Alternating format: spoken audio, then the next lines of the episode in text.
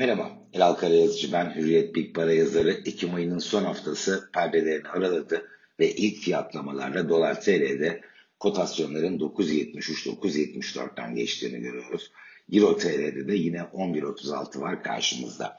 Şimdi önce geride kalan haftayı ve geride kalan son bir ayı hatırlayalım. Ee, burada ilginç bir durum var. Çünkü geçen hafta borsa TL bazında %5 getiriye imza attı ve geleneksel yatırım seçenekleri arasında en iyi performans oldu bu. Gram altın %4,5'la borsayı izledi. Euro Türk lirası karşısında %3.1, dolarla %2.9'luk bir getiriye imza attı. Adeta dolar borsa el ele hep beraber daha yükseklere tadında bir resim çıktı karşımıza. Fakat son bir ay ne oldu diye bakarsak burada borsa ile döviz tabanlı üçlü arasında önemli bir farklılık var.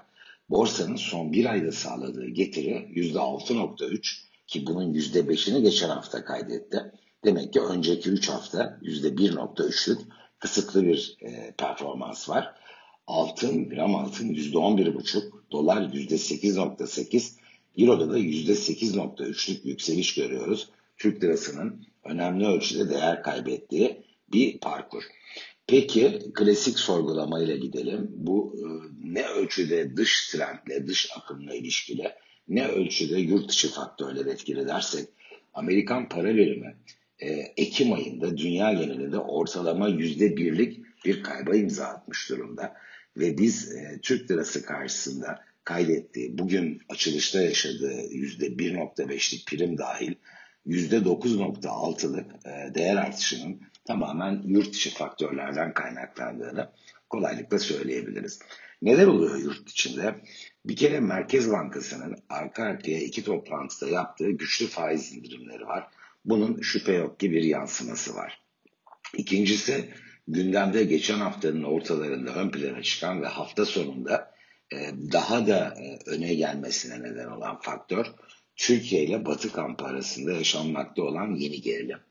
E, kabine toplantısı var bugün. Akşam alınacak kararları izleyeceğiz ve muhtemelen piyasa bu cepheye öncelik vermeye, duyarlılık göstermeye devam edecek. Özellikle büyük elçilerle ilgili Türkiye ne yönde bir karar alacak? Batı buna ne yönde bir karşılık verebilir? Süreç nereye doğru ilerleyebilir? Bir taraftan bunlar izlenecek. Bir taraftan da en çok merak edilen şey hafta sonunda G20 var ve burada Cumhurbaşkanı Erdoğan'la Biden bir araya gelecek mi?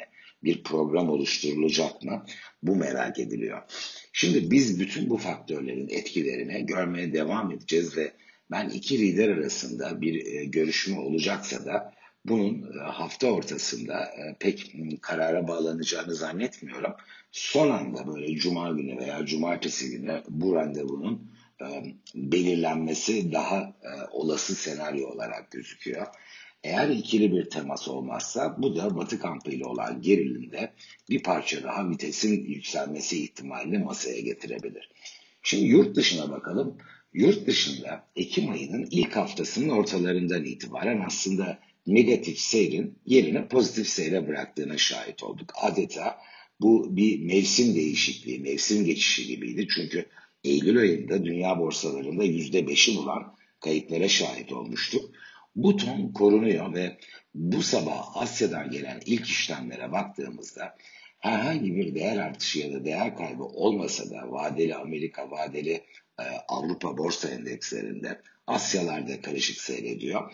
E, ben ana tonda ılımlı ölçüde de olsa e, pozitifliği teyit eden bir resim görüyorum. Çünkü bu konuda en önemsediğim göstergelerden bir tanesi Euro dolar paritesi 1.16.60'a geldi. Oysa biz Eylül sonunda 1.15.70'lere kadar e, gerilediğine şahit olmuştuk. E, bu cephede Euro lehine olan süreç, tersten okursak dolar lehine olan süreç aslında e, iyimserliğin, risk alma iştahının böyle çok vites yükseltmese de halen varlığını koruduğunu düşünüyor. Şimdi dönüyorum buradan yurt içine. Dolar TL ve yeni zirveler. En çok haklı olarak e, takip edilen, merak edilen, sorgulanan kısım burası.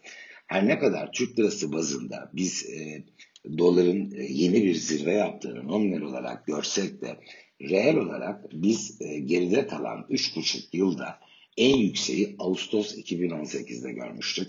O zaman Amerika ile e, Brunson gerilimi olarak işte hatırlatabileceğim, manşetlendirebileceğim bir süreç yaşanmıştı ve o gün test edilen 7.21 seviyesinin e, bugüne yürüttüğümüz zaman reel karşılığı yaklaşık olarak 10.53'e denk geliyor.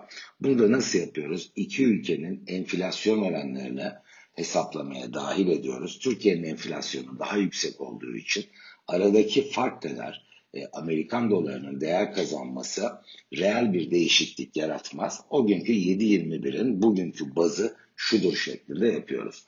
Böyle bakarsak reel olarak henüz yeni bir zirveden bahsedemeyiz.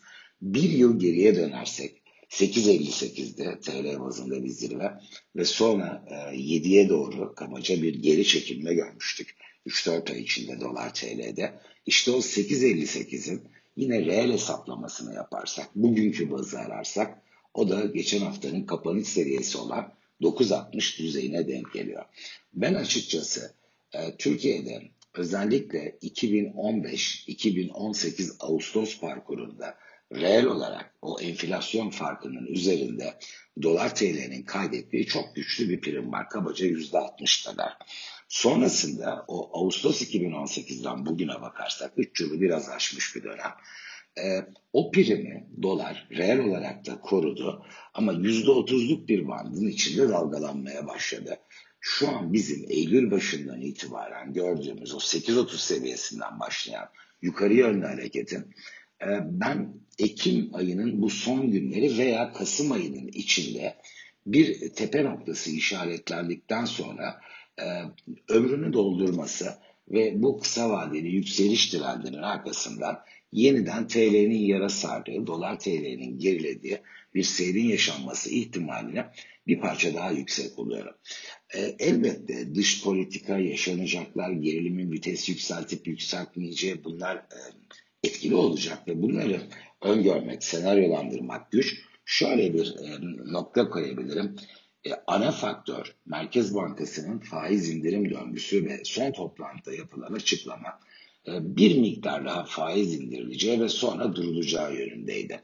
18 Kasım bir sonraki toplantı ve Türkiye'nin bu faiz indirim döngüsü tamamlandıktan sonra muhtemelen Batı kampı ile ilgili e, süreçte de ne olacak, gerilim nereye tırmanacak bunları da öğrenmiş olacağız.